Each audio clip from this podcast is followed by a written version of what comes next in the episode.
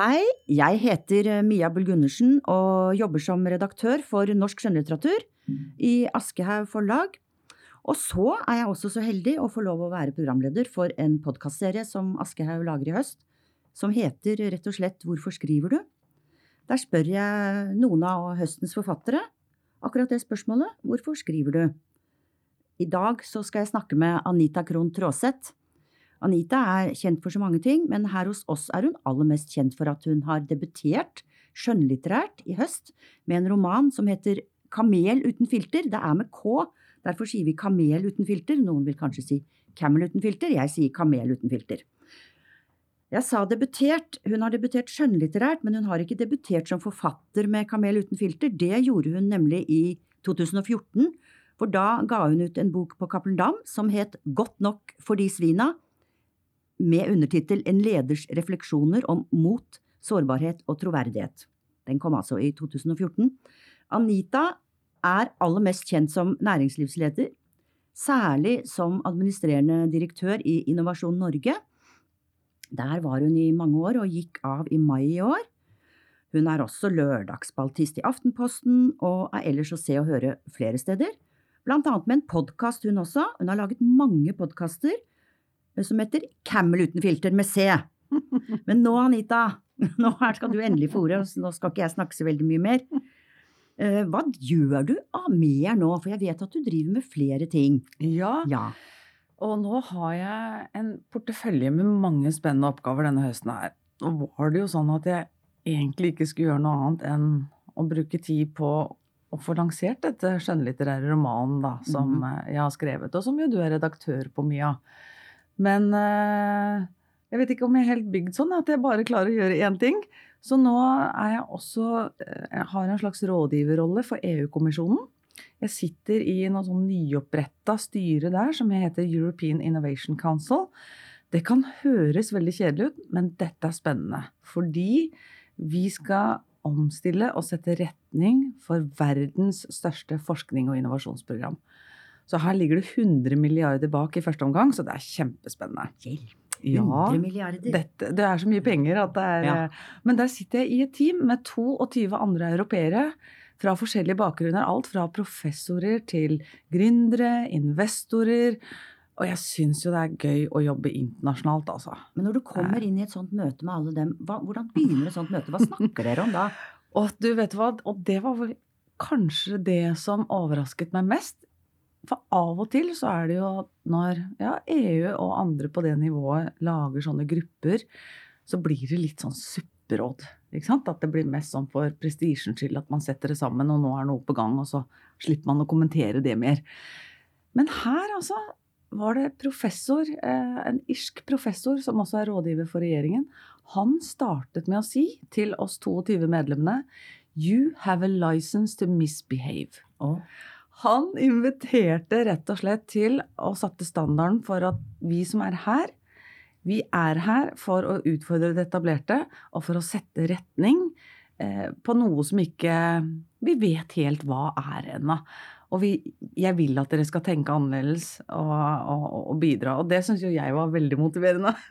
vanskelig kanskje òg? Kjempekrevende. Og nå Ja. er vi en liten gruppe på fem stykker som sitter og jobber ut det som heter KPI-er. Rett og slett noen nøkkel, eh, nøkkelbudskap. Noen nøkkelprioriteringer på hva er det som egentlig skal gjenkjenne og det programmet vi skal skape framover. Og da er jo jeg opptatt av mangfold og kvinner, Ja. så jeg gjør alt jeg kan for å få inn det.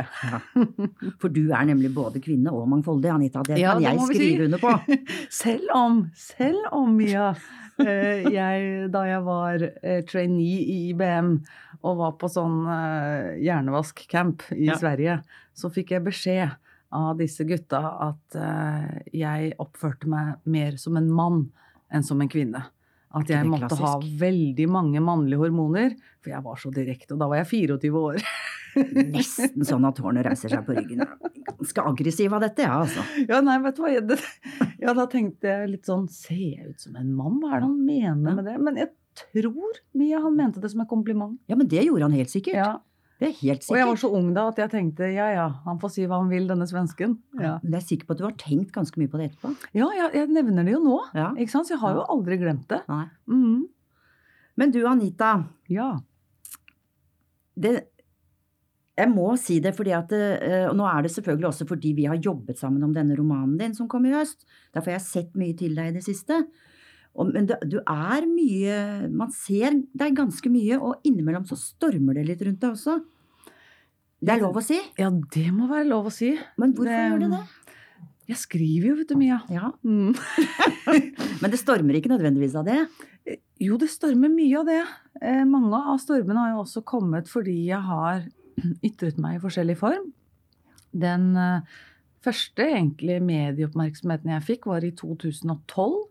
Da var jeg administrerende direktør i HP Norge. Og da hadde jeg laget en blogg som næringslivsleder som het Tinteguri. HP, er det Juliet Packard. Det er Hewlett Ja, Packard, det ja. et stort IT-selskap. Um, og det var jo ikke helt vanlig da med bloggplattform, og var jo ikke helt vanlig heller at næringslivsledere skrev i det hele tatt, eller mente så veldig mye om, ja, om de ting som foregikk i samfunnet. Og da lagde jeg jo en blogg hvor jeg bl.a. delte min første søknad eh, i arbeidslivet. Og jeg delte CV-en min, jeg delte mange forskjellige Ja. ting for å mobilisere unge jenter til å ville ønske å ta lederansvar. Og da fikk jeg Jeg tenkte kanskje at det er ingen som ville lese den bloggen. eh, Men da fikk jeg en helside i Dagens Næringsliv. Det var det første egentlig støyet som kom, med en overskrift hvor det sto 'Toppsjeftrivia'. Og mente at dette her var altså helt håpløst. Hvorfor i all verden skulle denne næringslivslederen skrive om noe så uinteressant på en bloggplattform? Så det har egentlig veldig mye av støyet holder eh, når, når du spør nå, Ja. så handler det veldig mye om skrivinga, for det var det ene. Så skrev jeg jo en blogg for noen år siden som het Er det her er party? Som egentlig var en, et varsel. Hvor jeg som leder sa ifra at eh, det dere leser og det i nyhetene og det dere ser nå, her er det ting som ikke stemmer. Det er ikke helt bra, det som foregår nå. Det var ikke populært. Eh, Jeg skrev også en oljekronikk da på en kjentflate, Aftenposten. Da mista jeg nesten jobben, Mia. Og så skrev jeg jo for to uker siden eh, som lørdagspartist i Aftenposten fem råd til kvinner som har ambisjoner og ønsker å bli ledere. Hva de ikke burde gjøre på veien. Litt Da sånn motsatt. Ble det bråk? Og for å si det sånn, ble bråk da òg. Ja, det ble det, gitt. Så um, Ja, så skrev jeg jo den første boka 'Godt nok for de svina', og den var det jo veldig mange som mente at den var ikke god nok for de svina. Eh, Da kom Finansavisen ut med overskriften 'Sosialpornografisk mesterverk'. Mm. Så jeg er nok vant til ganske mye respons på det jeg skriver, da. Mm. Men, men, men jeg skriver jo for det, da. Ja, det gjør du heldigvis, Anita. Du skriver for det, og det, det var veldig morsomt å jobbe sammen med deg med den romanen også. Vi behøver ikke si så mye om det, men du var iherdig og konstant blid og full av eh, pepp og skulle gå hjem og skrive videre, og det gjorde du i mange runder, og til slutt så kom boken ut. Jeg var veldig imponert over deg. Kraften. henter- Kraften din. Jeg, jeg tror jeg henter ganske mye mening og energi i det å skrive, da. Ja. Som kanskje mange andre henter på Kanskje ville du ha forventa, fordi jeg er leder, da, at jeg ville henta det ved å trene eller løpe Birken eller maraton, men jeg henter det ved å sitte rolig. Jeg trenger ikke å være aleine, kan være hvor som helst. Men å skrive, for da får jeg reflektert, da Mm. rundt hvorfor reagerer folk på det jeg skriver, hva har jeg opplevd nå, er det noe av de erfaringene jeg har jeg kan dele med andre. Så det gir meg mer enn det det koster, for det er jo hardt arbeid å skrive. Ja visst, det vet jeg jo masse om. Det det. Men du løper ikke Birken også? Nei, det gjør jeg ikke. Nei, Og dessverre godt. så er jeg jo veldig dårlig rollemodell når det gjelder å leve et bærekraftig liv. Eh, For ikke trener jeg og spiser for mye søtt, og jeg røyker og det er jo ikke bra sånn sett, da. Nei, men gudskjelov at det er noen igjen av dere, sier jeg da. Men du, nå har du jo sagt noe om hvorfor du skriver, det som er inngangen til denne podkasten. Nemlig, og du har kanskje skrevet alltid òg? Jeg tipper kanskje at du begynte da du var ganske ung. Ja, og så tror jeg kanskje at jeg har arvet det litt også. Fordi moren min skrev jo noveller. Oh, ja. Eh, Mange noveller. Oh, ja. Men ikke bare moren min. Jeg ser, når jeg søker tilbake på stamfaren min, Ludolf Krohn, eh, på Sunnmøre. Etterfølgerne hans er jo um, Jeg tror han ene var trykker. Boktrykker. Ja. Og, og jeg tror han var en av de få som trykket talene til Wergeland. Så det ligger faktisk det både forfattere og ja, og hva er det det heter, da? Folk som har holdt på med det Ja, folk som har holdt på med det skrevne Mm. ord, men også folk som har holdt på med ytringsfrihet, Ja. ser jeg tilbake i familien. Ja. Og det er nesten litt sånn trøst å se at eh, oi, det er noen langt bak i familien her som eh, har jobbet for å få fram det skrevne ord. Det kommer fra et sted, da. Du har det nok fra et Jeg sted. tror jeg både har det et eller annet at det er noe i familien, øh, og så har jeg blitt oppfordret fra da, da jeg vokste opp Jeg vokste opp på 70-tallet, vet du. Og, og, og selv om I Sandefjord. i Sandefjord, og selv om uh, veldig mange kvinner da gikk i tog og kjempet for eh, rettigheter og, og kunne bestemme over sin egen kropp, så var jo min mor i en litt annen situasjon. ikke sant? Hun var jo syk og opplevde jo det å ikke kunne bestemme over sin kropp. Men det hun gjorde, var jo å oppfordre barna sine, og kanskje spesielt meg, da, til å ha meningers mot. Kanskje fordi hun ikke selv Ja. eh, hadde eh, ja, helsen til å gjøre det. Så jeg tror jeg skrev mitt første leserinnlegg i Sandefjords Blad da jeg var tolv. Og det var for å bevare en ungdomsklubb som kommunen ville legge ned. Og vet du hva, jeg var okkupant òg, vet du. Jeg fikk jo lov av min mor å I okkupere et hus da jeg var tolv år. Um, Og det var ikke ungdomsklubben. det var, jo, det var en ungdomsklubb som kommunen da ville legge ned på Helgerød i Sandefjord. Og det mente jeg var helt feil, for dette var et tilbud eh, vi trengte. Så det at hun lot meg få lov til det, det var jo Ja, jeg tenker, det var ganske spesielt, men det har jeg fått lov til. Og jeg jobbet også i, i Radio Ung, i nærradioen, og hadde nattsendinger. Og da husker jeg moren min satt oppe og hørte på disse nattsendingene. Og ringte inn på mine konkurranser. Det var jo konkurranser om fremmedord, blant annet. Jeg husker autodidakt, pleonasme. Disse tingene lærte jeg av henne. Vi sender en varm tanke til moren din. Ja, ikke sant? Bestemor Bjørg på månen. Ja. Ja. Men det, du Lærte sender masse sikkert mange varme tanker til moren din. tenker jeg. Jeg tror hun ligger mellom linjene i mitt alfabet Ja. et eller annet sted. Så Det tror jeg jo. er hun med å føre pennen. Ja. Mm. Nei, det er godt å tenke på sånn. Men du, vi skal snakke litt grann om den boken du har gitt ut også, da. Eh, 'Kamel uten filter'. Den handler om eh, Den har handling fra Hilde Skjæret er en eh, hovedpersonen der. Eh, rammefortellingen, som det så fint heter, er i et auditorium på Blindern. Der sitter hun helt bakerst og kryper sammen. Hun er på et seminar som heter Makt og verdighet. Hun har nettopp mistet jobben sin i Oslo kommune. Der var hun direktør. Tidligere hadde Hilde Skjæret jobbet i det private næringsliv. Så ble hun oppringt av en såkalt headhunter og spurt om hun ville ta en direktørstilling i kommunen. Da ble hun ganske Hun var litt i tvil, men hun sa, takket under, under tvil ja til den stillingen. Og der varte hun i ti måneder. Noen rader foran henne i auditoriet sitter Brage O. Jensen. Han er såkalt gravende journalist i en avis som du kaller for Riksavisen. Han har mer eller mindre, i hvert fall kanskje ikke vært direkte årsak til, men i hvert fall bidratt til at flere næringsliv, eller ledere har mistet og måttet fratre stillingene sine. Og, men nå har det også skjedd at han har måttet gå. Der sitter de to. Kan du Nå er det noen som synger her. Nå er det noen som ja, det er synger her. Men nå kan du si litt om hva, hvem Hilde Skjæret er. Ja, altså, Hilde Skjæret er 52 år. Hun er eh, født og oppvokst langs bibelbeltet. Mm. Um, hun har eh, gått seg litt vill i livet når vi treffer henne. Hun er gift for tredje gang med eh, da mannen Oskar. Ikke for tredje gang med han, men han er hennes tredje mann. Han er tidligere generalløytnant i Forsvaret. Og, han, og hun har et ganske spesielt forhold. Jeg vil si eh, på randen til å bli ja, relativt dysfunksjonelt. Mm. De har det ikke bra. Uh, hun tok jobben som kommunaldirektør i Oslo kommune og mistet den etter ti måneder. Mm. Og så sitter hun der, da. Og som veldig mange andre ledere får når de får beskjed om å gå, så får de litt sånn klapp på skulderen, og så får de et kurs, et masterkurs i ledelse eh, som plaster på såret.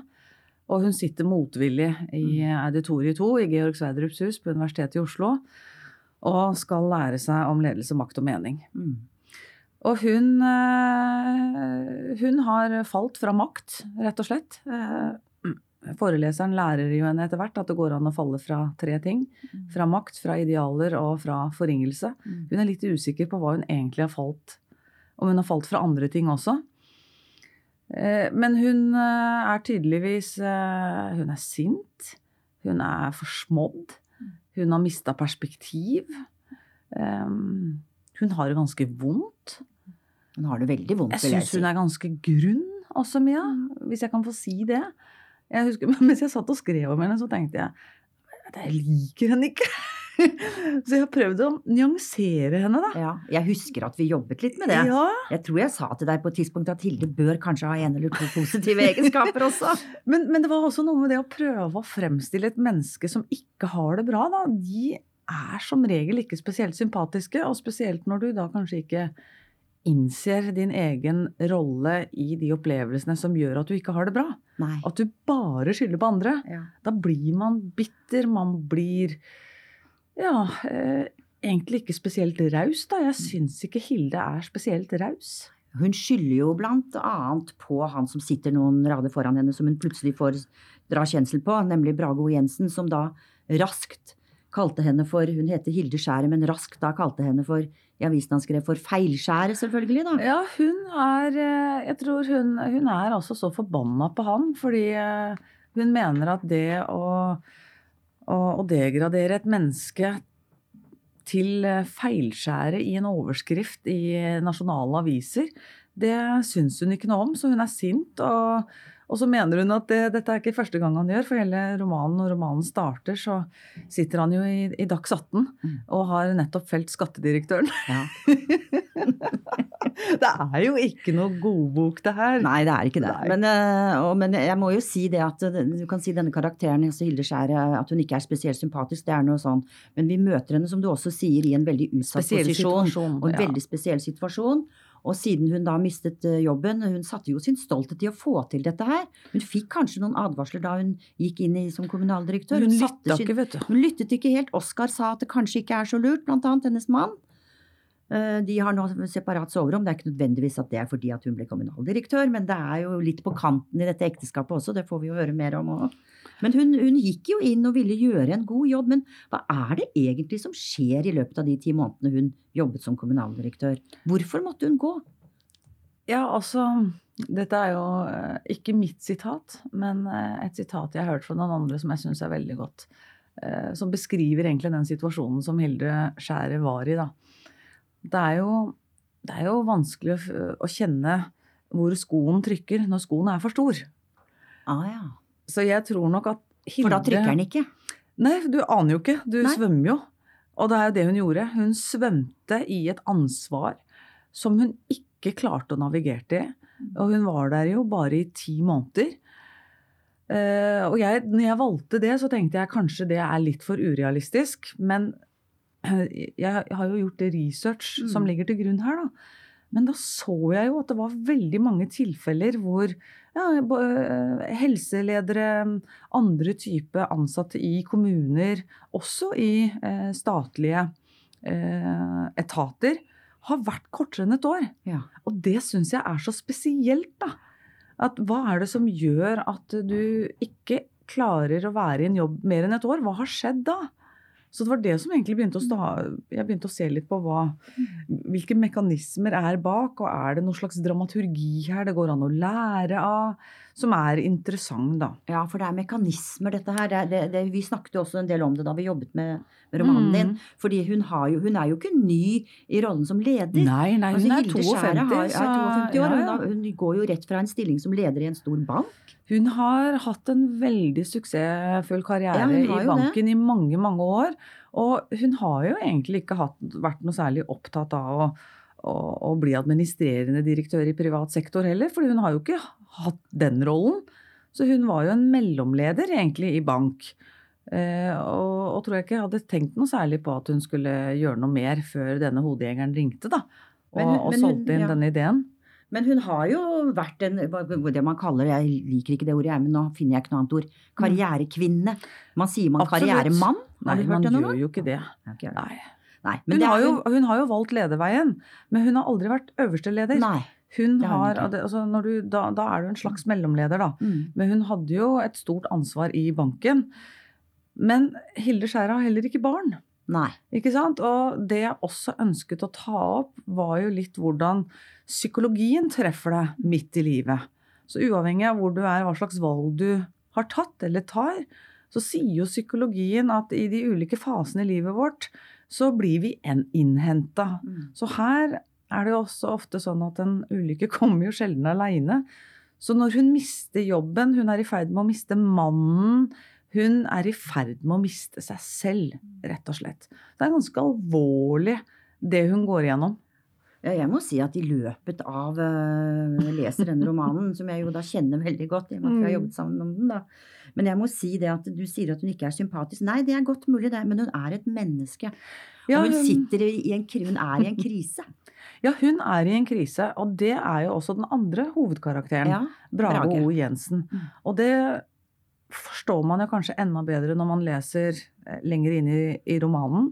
eh, At han, eh, han er i samme egentlig eksistensielle krise som henne.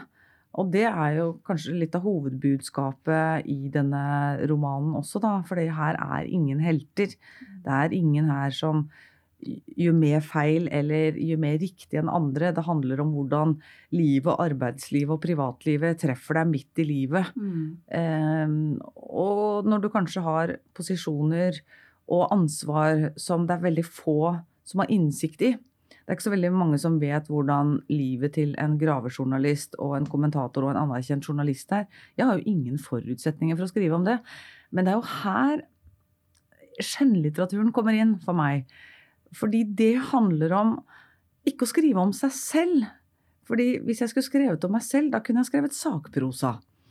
Skjønnlitteratur handler om å bevege seg inn i andres territorier. Og sette seg inn i andres liv. Så må man selvfølgelig spille på sitt eget repertoar som menneske når man skriver. Man må spille på eh, evnen til å kunne beskrive følelser, eh, lukter, erfaringer. Men det er noe helt annet enn å skrive en, en eh, biografi.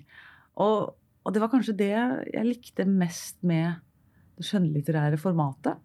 Jeg syns det er en jeg syns det både er kanskje noe av det mest krevende jeg har gjort, samtidig som det er noe av det mest frigjørende. Jeg forstår hvorfor skjønnlitteratur er kunst. Ja. Det er kunst. Ja. Men har du nå Nå har du skrevet én roman, og jeg har jo sett mottagelsen og alle kommentarene du har fått. Anmeldere har det vært noe så som så. eh, Sånn er det alltid, må vi si det sånn. Men du har fått så mange kommentarer fra mennesker som kjenner seg igjen, og som syns at denne boken har vært særdeles viktig. For det fins ikke mange forfattere som har skrevet en roman om å være leder og, og gjennomleve et fall som dette her. Det er sånn sett en helt unik roman. Jeg kan ikke komme på noen andre, men jeg har sett hvor viktig den har vært for mange. Eller er for mange. Ja, jeg, du har jo sett noe av tilbakemeldingene, ikke sant? Og det eh, Jeg tror nok at denne romanen har en historie som treffer bredere enn en man kanskje tror hvis man vurderer boka ikke også bare fra et skjønnlitterært perspektiv. Da, For det ene er jo å vurdere håndverket Mm. som, den, som boka og historien er formidla på. Men det andre er jo historien, og det jeg blir veldig glad for å høre, er jo når de sier at de klarer ikke å legge den fra seg. Det er en page-turner. Og når alt fra liksom eh, leger, kommunaldirektører, fengselsledere, toppledere, andre i alle aldre sender meg meldinger og sier Jøss, du har jo beskrevet det jeg har opplevd det siste året. Takk, for det har vært vondt. Det er vondt å lese om det, men det er også godt å se at jeg ikke er alene. Det må jo ha vært ganske deilig for deg å få disse Ja, det, den, tilbakemeldingene. ja, Kjempehyggelig, men, men, men jeg må også si Mia, at uh, når det kommer liksom en sånn næringslivsleder inn fra sidelinja inn i på en måte det kongelige norske skjønnlitterære verden, Mm. og, og tror hun kan skrive en roman, og ender opp med å få terningkast fire fra Dagbladet, så syns ikke jeg det er dårlig for en debut. Ja. Det er ikke dårlig det Altså, jeg tenker det er mer enn godt nok, men det som driver meg til å skrive, er jo ikke anerkjennelsen eh, og terningkast seks. Fordi da burde jeg jo ikke ha skrevet. Fordi jeg får jo veldig mye respons og ulike tilbakemeldinger på det jeg skriver. Jeg skriver fordi jeg mener eh, Jeg mener det er viktig. Mm. Jeg har noe på hjertet. Jeg vil formidle noe hvis det betyr noe mer for andre enn meg, og det ser jeg jo at det gjør når jeg Det har jeg sett òg. Ja, og da tenker jeg, Vet du hva, da er det godt nok for Ja. svina, da. Ja, det er godt nok Ja. for de svina. Men du, skal avslutte, og det er så mange ting jeg kunne spurt om, som man ofte sier når man er i sånne seanser som dette her. Men jeg kommer til å spørre deg likevel et siste spørsmål. Mm. Er du i gang med å skrive en roman til? Mon tro? Ja, jeg er egentlig i gang med to ulike skrive... Eller flere prosjekter, da, men eh, jeg hadde jo en podkast med Maja Lunde, og da ble jeg veldig motivert og, og at, det er, at det er helt ok å ha flere skriveprosjekter på gang samtidig, for hun er jo en tornado Det når det gjelder å produsere. Eh, det er sjelden jeg har snakket med noen som får meg til å føle meg så lite produktiv enn når jeg føler jeg produserer ganske mye. Ja, hun er helt rå, en sånn rollemodell på, på det at jo, men det er greit å produsere mye, kom igjen. Ja. Så jeg har begynt på en eh, oppfølger på en sakprosa. Mm. Um, og så- Oppfølgeren til Godt nok for de svina? Ja, en slags oppfølger til Godt nok for de svina. Ja. Og så er jeg i gang med å skrive Kamel uten filter 2. ja, det er bra. Folk vil vite hvordan det går med, med Brage. Ja. Og med Hilde. Og det tror jeg de skal få vite. For slutten er jo, må man jo kunne si, ganske både spektakulær og spennende. Slutten Ja. på Kamel uten filter åpner absolutt opp for en del to. Ja, det gjør det egentlig det. det. Mm. Man lurer jo på Er du dette klar går. da for en oppfølger? Jeg er klar. Jeg er klar. Da sier jeg tusen takk. Tusen takk for det fine samarbeidet vi har hatt også, Anita. Det har virkelig vært berikende, det må jeg, det må jeg si. Og det var bare begynnelsen, Mia. Ja, det var bare begynnelsen. Ja. Nå kommer vi til å kjøre på. Ja. Ja. Og det er det som er så bra med det å skrive, og det eh, å begynne å nærme seg å bli en slags forfatter, er jo at det har jo absolutt ingen aldersgrense. Jeg føler jeg er sikra for livet ut, for uansett hva som skulle skje, så kan jeg skrive. ja, det kan Og det føles veldig godt. ja. Skriving er livsbejaende og en god medisin for det meste. Takk skal du ha, Anita Krontraseth.